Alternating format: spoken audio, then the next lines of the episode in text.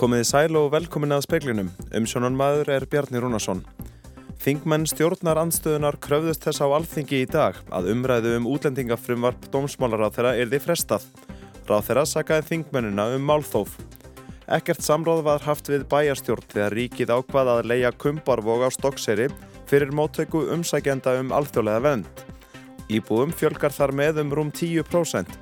Bæjarstjóri segir staðsendinguna ekki henduga. Stjórn Símans leggur til reyflega 31 miljards arðgreðslu á hluthafafundi á morgun eftir mikinn hagnað vegna sölu dóttufélagsins Mílu og mjóttir á munum milli flokkablokkana í Danmörku fyrir þingkostningar að viku liðinni. Dómsmálar á þeirra sagaði þingmenn stjórnarandstöðunar um málþóf þegar hann mælti fyrir útlendingafrumvarpinu á alþingi í dag. Stjórnarandstæðans krafðist þess að félagsmálar á þeirra tæki einnig þátt í umræðinu. Hörskuldur Kári Skram, fréttamaður, er á alþingi. Þú hefur fylst með þessari umræðu. Hvers vegna vildi stjórnarlandstæðan fá félagsmálar á þeirra til að taka þátt í umræðinni? Já, það er mat þingmanna stjórnarlandstöðunar að frumvarpi snerti einni á málaflokki sem heyrir undir Guðmund Inga Guðbrandsson, félagsmála og vinnumarkasráð þeirra og þeir vildi þess vegna fá að ræða máli við hann. Þetta voru aðalega þingmenn pírata og samfélkingar sem kröðust þess en ráð þeirra gatt þó ekki orði við þessari beini.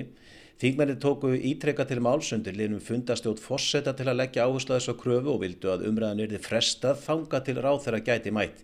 En dónsmálar ráð þeirra sakaði hins vegar stjórnaranstöðunum um málþóf og fyrir að forðast að taka efnislega umræðu um málið. Við skulum heyra brot úr umræðan í dag. Á síðustu sekundum mínum vil ég óska eftir því að hæstvirtur félags- og vinnumarkarsráð þeirra verði viðstattur þessa umræðu alla hann uh, fer með hlutamálaflokksins eftir uppskiptingu ráðanetta og hann verður að vera hér til þess að geta tekið þátt í umræðinni. Já, sem við erum að upplefa hér núna er það sem að dæmi gert er kallað málþóf í þessu þingi og ef nú orðið þess að þetta vitna til síðasta vetrar í því að skilvirkni þessa þings er náttúrulega með eindamum léleg þegar það kemur að ákvæmslu mála og, og hérna við sjáum að það á að fara að beita einhverju slíku hér núna að fólk vil forðast það að ræða kjarnamálsins sem er frumvarpi sem að liggur hér fyrir. Við viljum fara að ræða sko húsnæðismál og, og einhverja slíka hluti og félagslega þjónustu. Þetta frumvarp fjallar ekkert um það. Og þarna heyrðum við Jóni Gunnarsinni dómsmálaráþurra og þar á undan í Helgu Völu Helgadóttur þingmanni samfélkingarinnar en umræðan hófst á þriðja tímanum í dag og stendur enn og líklegt að hún standi eitthvað fram á kvöld. Takk fyrir þetta höskuldur Kári Skram á Alþingi. Ríkið hefur leikt kumbarvók fyrir móttöku hátt í 60 umsækjenda um alþjóðlega vend. Ekkert samráð var haft við sveitarfélagið og bæjastjóri segir staðsendinguna óheppilega. Kumbara voru fyrverandi dvalar og hjúkunaheimili en þar hefur verið gistuheimili undarfærin ár. Það er staðsett austast í Þorpun á Stokkseri og Fjóla Kristinsdóttir bæjarstjóri í Árborg segir staðsetninguna óheppilega. Langt séu þjónustu og engar samgöngur séu að staðnum. Þessir aðlar þurfa að komast á helsugæslu, komast í verslun og, og hérna annað eftir því og þetta eru auðvitað orðið tölurvert út úr og upp á það að ná að bara aðlæða sig og blandast hérna e, sveitafélaginu. Stemtir að því að fólki flyti inn á Kumbaravógi næstu viku 1. november 54 alls. Fjóla segir að ekki hafi fengist svörum hvort að veri fjölskyldufólk eða einstaklingar en býst við að sveitafélagi fái betri upplýsingar næstu daga. Hún segir þetta því að talsverða fjölgun íbúa í þessum byggðakerna. Um þetta er 10% íbúa fjölgun á einu bretti, greiðlega mikið. Er þetta góð vinnubröð? auðvitað skiljum við algjörlega stöðina sem þeir eru í þarna þeir eru í greiðlega erfiðri stöðu og mikið af fólki sem er komið og, og hérna og auðvitað þurfa fleiri sveita til að koma að en, en auðvitað hef, finnst okkur hefur verið heppilegur annar staðsetning. Við höfum kosið að gera þetta á annan hátt. Saði Fjóla Kristinsdóttir, Anna Lilja Þórisdóttir talaði við hana. Símin hagnaðist um rúma 36 miljardar á nýliðnum ársfjörðungi. Hagnaðurinn er að mestu tilkomin vegna sölu á fjarskiptafélaginu Mílu til franska sjóðstýringafélagsins Ardian. Tekjur símans breytast lítið milli ára. Þær voru 6,2 miljardar á síðasta ársfjörðungi en 6,12 miljardar á sama tímabili í fyrra. Hagnaður af áframhaldandi starfsemi félagsins er einnig hérum bils á sami og í fyrra. 718 miljónir á þessu þryggjamánaða tímabili. Nú í haust gekk Sala Símans á dóturfélaginu Mílu í gegn. Míla reyku grunnet í fjarskiptaþjónustu eins og ljósleðaran. Kaupverðið var 69,5 miljardar. Þara fekk síminn 33 miljardar í reyðufí í lóks september og það skýrir hinn mikla hagnað. Stjórn Símans leggur til að félagið greiði hlutugum út 31,5 miljard með lækkun hlutafjár en svo til að verður lögð fyrir hlutafund félagsins sem verður á morgun. Alexander Kristjánsson saði frá. Danska orkufyrirtækið Örsteð ætlar að tvöfalda vindorkuframlegslu sína undan ströndum Danmerkur með fjórum nýjum vindbúum. Fleiri verkefni eru framundan víðar í Európu. Í tilkynningu fyrirtækisins segir að það hafi náð samningum við fjárfestingasjóðin CIP um fjármögnun á búinu sem á að vera reist og komið í nótkun árið 2028. Vindorku framleiðsla undan ströndum Danmerkur namum 2,3 gigavöttum í fyrra. Þegar nýju vindbúin verða í fullri nótkun nær framleiðslan 5,2 gigavöttum. Með aukinni framleiðslu á vindorku vonast anir til þess að þurfa ekki að vera jafn háðir gasi og ólíu frá Rúslandi. Dönsk stjórnvöld hafa sagst vilja verið fararbróti í orkuskiptum. Verkefnið var komið vel af stað en eftir innrás rúsa í Úkrænu fóru danir af enn meiri krafti í skiptin. Í ágúst tilkynntu stjórnvölda þau ætluðu að auka orkuframleiðslu úr tveimur í þrjú gíkavött undan ströndum eigunar Borgundarholms í Eistrasalti. Eian á að vera orku eiga sem verður tengd þýska raforkukerfinu. Auk verkefna í Danmörku hefur Örsteð gert samninga um þróun vindorku vera víðar í Evrópu. Annar samningurinn er við Þýskaland, Holland og Belgíu um að koma fyrir vindmillum í Norðursjó fyrir árið 2050 sem eiga að geta skilað af sér 150 gigavöttum af rafmagni. Hinn er við ríkin við Eistrasalt sem vilja sjöfalda vindorku framleiðslu sína upp í 20 gigavött fyrir árið 2030. Robert Jóhansson saði frá. Í dag var haldinn fundur á vegum húsnæðis og mannvirkjastofnunar á Akureyri þar sem tilkynnt var að auglisa eitti þar fimm ný störf og þannig ebla starfstöðarnar á landsbyðinni. Húsnæðis og mannvirkjastofnun er starfrækt í Reykjavík, Sögðarkróki, Akureyri og Borgarnesi en störfin 5 sem á bæta við eru öll á sviði brunabóta og koma til í kjölfar endurskipulagningar þar sem fastegnarskrá færðist frá þjóðskrá yfir til húsnæðis og mannvirkjastofnunar. Sigurður Ingi Jóhansson, innviðar á þeirra, er meðal þeirra sem tók til máls á fundinum og talaði um markmið þessa skrefs. Við ætlum að reyna að tryggja að hlut falla ofnbæra starfa sé með jafnbræði í landslutunum. Það er lang hæst á höfuborgarsvæðinu eða 72% þó þar búi bara 64% eh, og við erum í raun og veru að vinna því að reyna að jafna þetta hlutfall sem og að skapa tækifæri fyrir bara fólk með ólingan bakgrunn og mismunandi mentun að eh, sækja störf út á land og búa það sem það vil.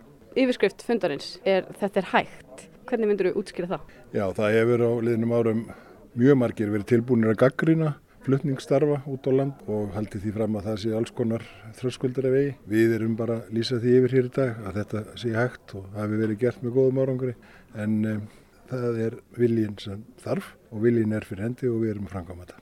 Ástildur Störludóttir, bæjarstjóri Akureyrar bæjar, tekur nýju störfunum fagnandi. Já, þetta er bara eitt lítið en samt stort skrefi því að auka flórunna af störfum fyrir háskólamenta fólk hér á þessu svæði og til þess að ebla starfstöð HMS, en þetta skiptir okkur miklu mál.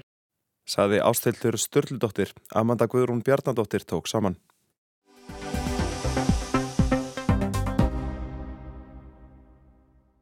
Í síðustu viku þá kynnti fjármálar á þeirra skýrslu um stöðu í L-sjóðs og sjóðurinn er stórskuldugur eins og fram hefur komið. Staða hans eh, sögðu verstna um 1,5 miljard á mánuði og fjármálar á þeirra skildi engan undra. Hann vil grípa þarna inn í og reyna að lámarka þennan kostnað sem að ríkið hjá fyrir sjáanlega ber vegna stöðunar. Hingað eru komnar það Guðrún Hafsteinsdóttir, þingmaður sjálfstæðisflokksins og formaður efnags- og viðskiptanemdar og Kristrún Frostadóttir, þingmaður samfélkingarnar til þess að velta eins fyrir sér þessari stöðu. Kristrún, þetta er margbóða, þetta er svona arfleið íbúðalána sjóðs, þetta er laungsaga sem má rekja alveg aftur fyrir síðustu aldamót en enga síður þá var þetta, já, krukkunum kannski einhverju kút.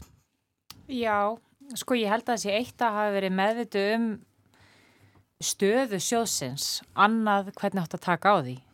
Þessi orð fjármálaráðara um að lámarka kostnaðin.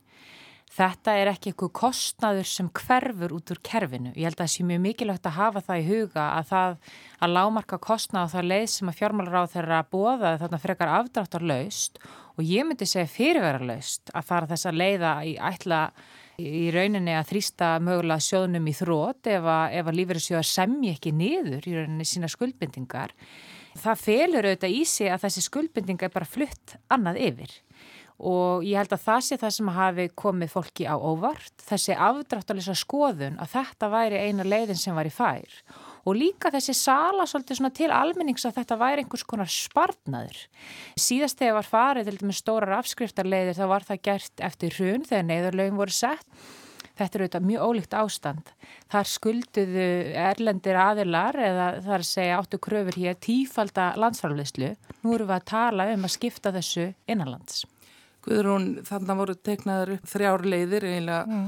og svo fyrsta svo að gera ekki neitt og halda áfram og, og mm. það var nú eiginlega svo greinilegt að það var ekki leið sem að ráð þeirra vill fara að leita samninga eða knýja sjóðin með lagasetningu í þrótt. Hvað sínist þér? Ég tel að það sé nú rétt að taka það fram að frá því að þessi sjóður var stopnaður að hafa málefni hans verið hjá fjármálaráðunitinu aðeins frá árinu 2020 og þá að farin í gang vinna að leita löstna hvað var þar vanda sjósins allagutu síðan. Síðan lendu við í COVID og, og heimsfaraldri þannig að það tefur vinnuna þannig að það þarf kannski ekki að koma óvart þó að fjármálaráð þeirra fara af stað núna, það var búið að gefa út skýslu, það var búið að vera að undirbúa málið. Ég held að núna er verið að rýfa hana plástur af. Það hafa allir verið meðvitaður um að við erum með þessa snjóhengju vofandi yfir okkur. Það er náttúrulega bara mjög óábyrg að ætla að gera ekki neitt. Þannig að ráð þeirra setu fram í síðustu viku þrjá kostir að gera ekki neitt að setja sjóðin einfallega í þrótt eða að semja við þessa skuldabriða eigundur. Við skulum hafa það í huga að allir kostur í stöðinu eru vondir og ég ætla bara að minna á það að það hefur ekkert verið ákveð. Það er búið að setja núna fram þrjár sviðsmyndir hvað hægt sé að gera Núna er máli á þeim stað að þvinga svolítið aðla til að koma samningaborðinu og reyna þá að finna lausna á sem vanda og það verður ekki gert nema í saminning.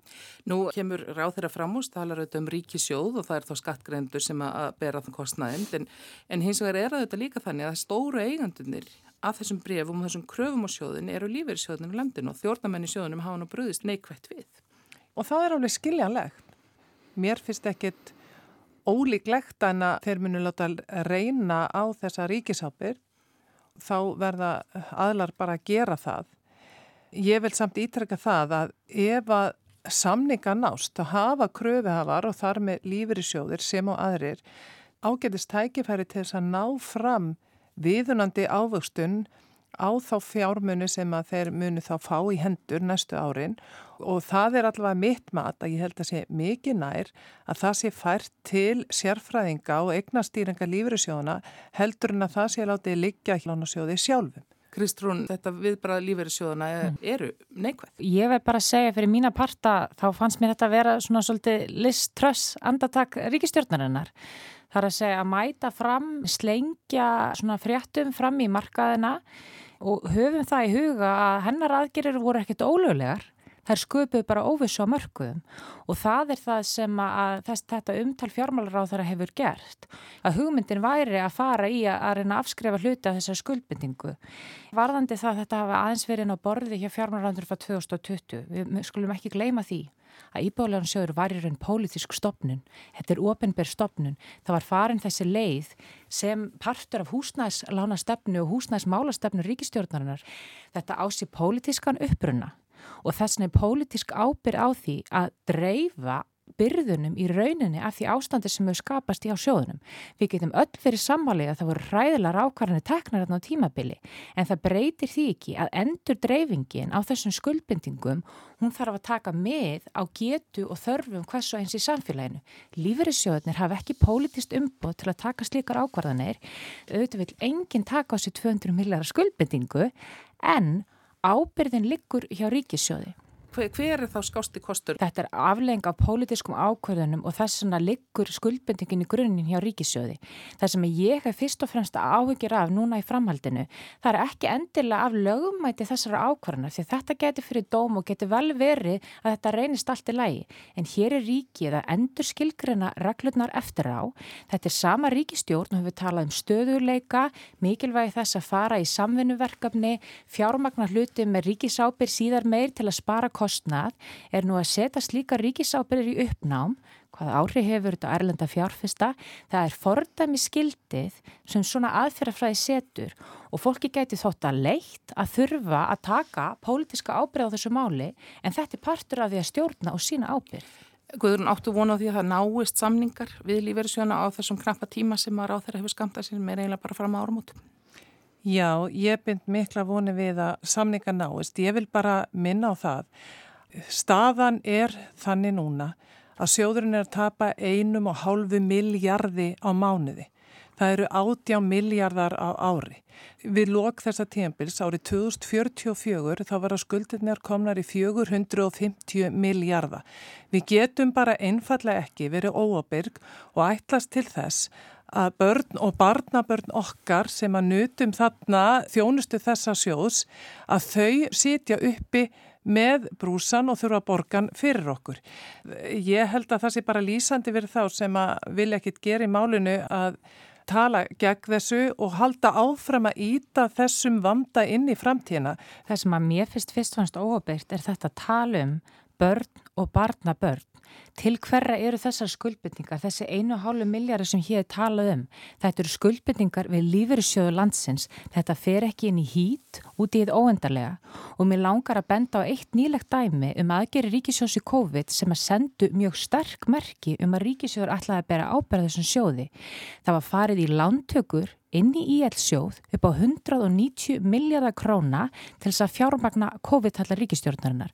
Þetta var gert á mjög lágum vöxtum til lengri tíma, ekki út frá markasvöxtum og það kifti engin markasæðalessi upp á mótu þessu venn þess að fólk hugsaði, hér er ríkið bara seilast í eigin vasa, síðan nokkru mánuðin síðar er þessi gjörningur orðið eins konar gafa gjörninga því ríkið er búin að fyrra sig ábyrða af þessu.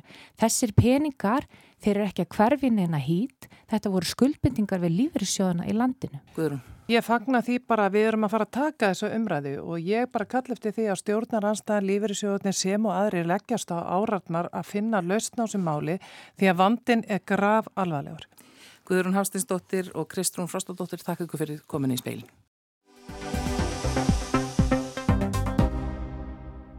Danir gangaði kjörborðinu að viku liðinni. Mette Fredriksson fórsættis ráður að tilkynnti fyrir þremur vikum um kostningar 1. november. Kostningabaróttan hefur því verið stutt en ekkert tiltækanlega snörpað sumra mati. Tvær flokkablokkir berjast um völdin í Danmörku, svo rauða þar sem mið- og vinstri flokkar fylgja sér saman og bláa blokkin með mið- og hægri flokkum. Skoðanakannanir að undan förnu sína að hvoru blokkin hennar meiri hluta á þingi en fylgið við þá rauðu er þó sjónarmun meira. Svo nýjasta frá Epinion sem Danska ríkis útvarpið og alltingeðu byrtu um helgina sínir að rauðarblokkin fær 82 þingsæti og svo bláa fær 75. Á miðjunni er hins vegar nýr flokkur, Moderatorne, sem velmætti nefna miðflokkin. Þetta er flokkur Lars Lökke Rasmussens fyrirverandi forsættisráþara. Lökke lísti því yfir þegar hann stopnaði flokkin að hann vildi kvorugur í blokkinni tilheyra. Samkvæmt konuninni fá miðflokksmenn átján þingmenn og geta því, á pappirónum að minnstakosti, ráði því hvor blokkin kemst til valda í næstu viku og jáfnvel krafist þess að leitóin fái forsætis ráþara stólinn. Lars Lökker Rasmussen segir í viðtali við BT í dag að honum finnist ólíklegt að bláa blokkin komist til valda í kostningunum á þriðu dag. Hann hafi þó mátulega mikla trú á að skoðanakannanir gefi rétta mynd af fylgiflokkana og blokkana en ekki sé hægt að útiloka neitt. Jakob Engel Smith, samherji lökki á miðjunni, segir að niðurstaða kannarinnar sé vissulega ánæguleg þótt enn geti ímislegt gert fram að kostningum. Flokkur þeirra mældist með 3,7% fylgi þegar bóðað var til kostninga 5. oktober en það er nú komið í 9,8% eða þegar eh, kannun opinion var gerð. Hún nær frá 5. oktober til þess 20. þar sem leita var til yfir 2500 dana á kostningaaldri. Í viðtali í dag við Ritz á fréttastofuna í trekkaði Engel Smith að það væri enn stefna með flokksins, moderatorinu, að mynduðir þið stjórnflokka úr báðum blokkum að kostningum loknum þrátt fyrir að formenn hægri flokkana, venstri og íhaldsflokksins hafi vísað þeim möguleika á bug. Hann sagðist hafa trúað við að þeirri Jakob Ellemann Jensen og Sören Papi Pólsen skiptu um skoðun þegar talið hefði verið upp úr kassónum. Kostningabaróttin í Danmörku hefur vissulega verið stutt en ágreiningsmál flokkana ekki verið tiltakanlega mörg. Helst að stjórnaranstaðan hafi velt stjórnarflokkonum og þá sérilagi Mette Fredriksson forsættis ráþara upp úr mingamálinu svo nefnda.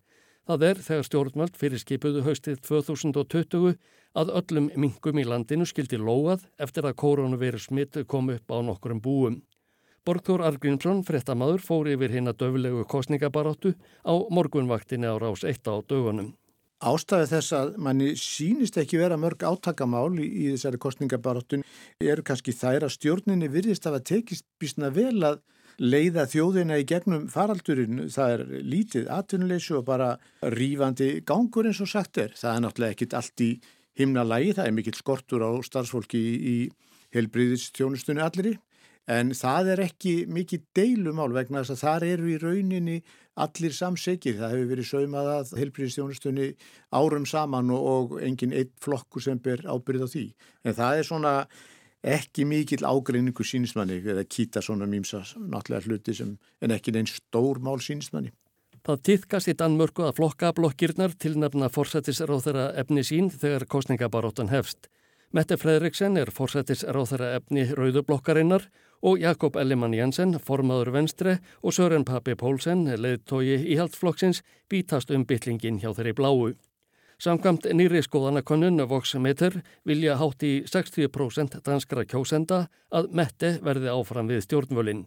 En svo kann þó að fara að ekkert er að verði næsti fórsættisráð þeirra heldur gamli reynsluboltinn Lars Lökke Rasmussen. Ásker Tómasson saði frá.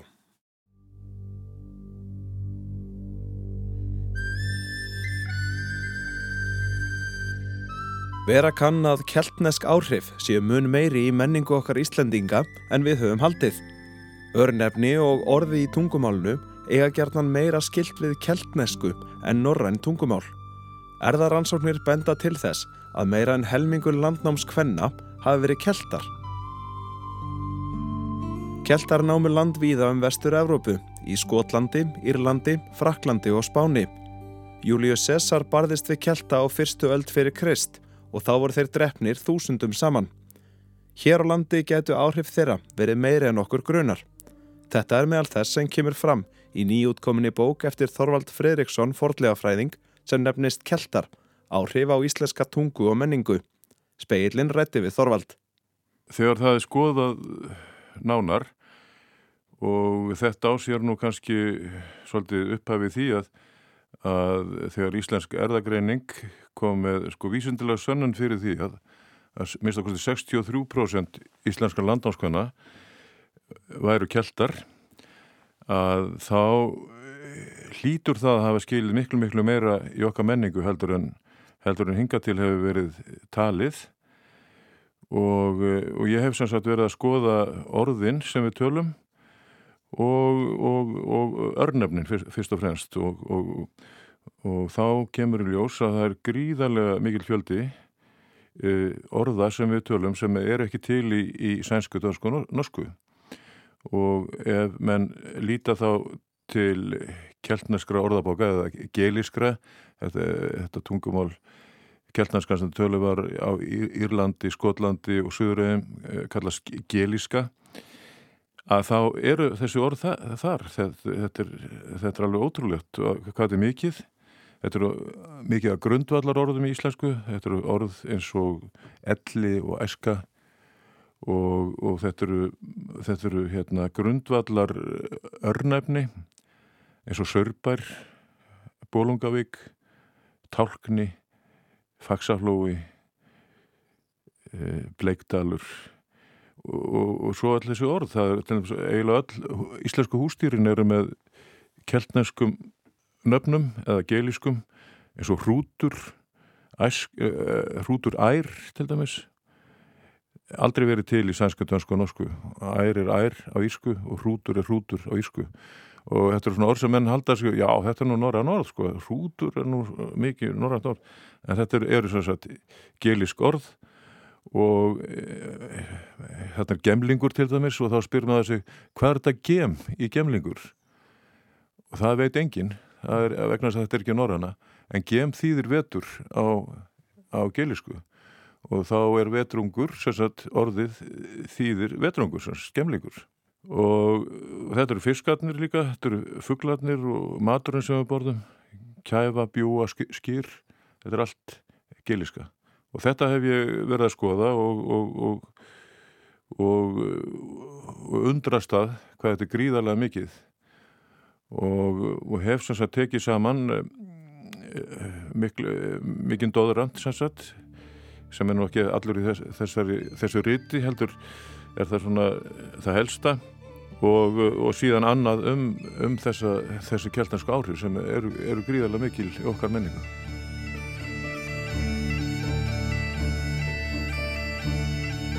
En það er heimildir sem við stýðust við að þetta, það fer ekki mikið fyrir þessum, þessum kjeltnarska uppruna í, í þeim. Er það bara vegna þess að sagan var ekki skrifið af þeim? Nei, nei, já, þú, það er rétt sko, við erum með heimildir um uppruna íslendinga alveg frá miðaldum, það er landnáma og íslendingabók.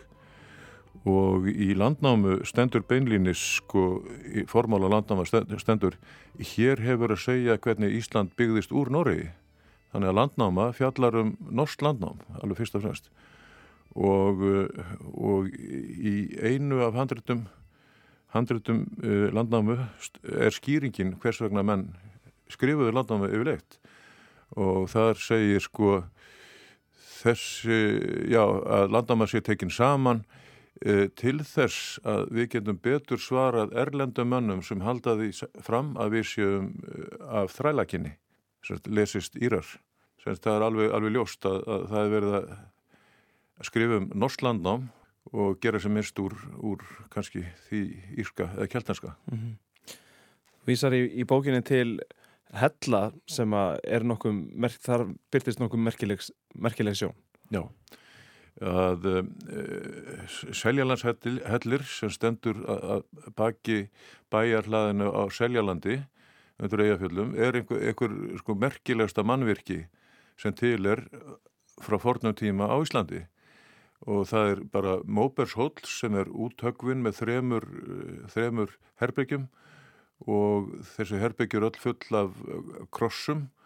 Og sömur krossarnir er mjög fornir eh, sem fræðimenn hafa greint sem komið hafa hingað til landsins. Og, og, og þetta er greinilega sko bústaður manna frá fornum, fornum tíma.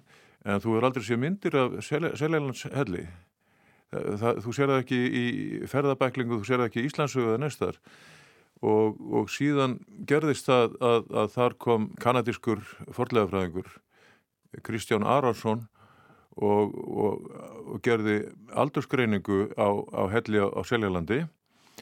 Og það kom í ljós að, að sá hellir var eldri heldur en, en landnámslægið 871 þar að segja hellirinn var gerðið fyrir Norsk landnám og í þessum helli hefur nú fundist uh, mannsmynd, málverk. Og það er fyrsta hellamálverkið sem finnst á Íslandi. Það voru aldrei fundist hellamálverkið áður. Og uh, fyrsta á eina hellamálverkið.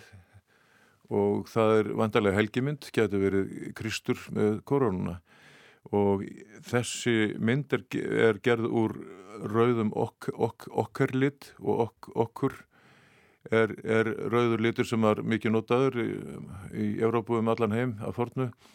Og uh, það er blanda af, af hérna, mýrarauða og, og fytu og einhverju fleiru. Og, og þar leðandi er hægt að, að kannski að ná DNA úr, úr þessu lit. Og það er búið að taka síni úr þessu málverki og, og gæti verið sögulegt þegar, þegar niðurstaðar þegar greiningar Saði Þorvaldur Fredriksson, lengri útgafa við talinu má nálgast á rúf.is. Lítum þá til veðurs, austan 3-10 metrar á sekundu en 10-15 siðst. Lítilsáttal væta sunnarlands en yfirleitt þurft fyrir norðan. Víða dálitil regninga en úrkomur lítið á norðvestanverðu landinu. Bætri úrkomu á suðausturlandi undir kvöld. Fleira er ekki í speklinum í kvöld. Tæknimaði var Kormákur Marðarsson. Frétta átsendingu stjórnaði Valgerður Þorsteinsdóttir. Njóti kvöldsins og verði sæl.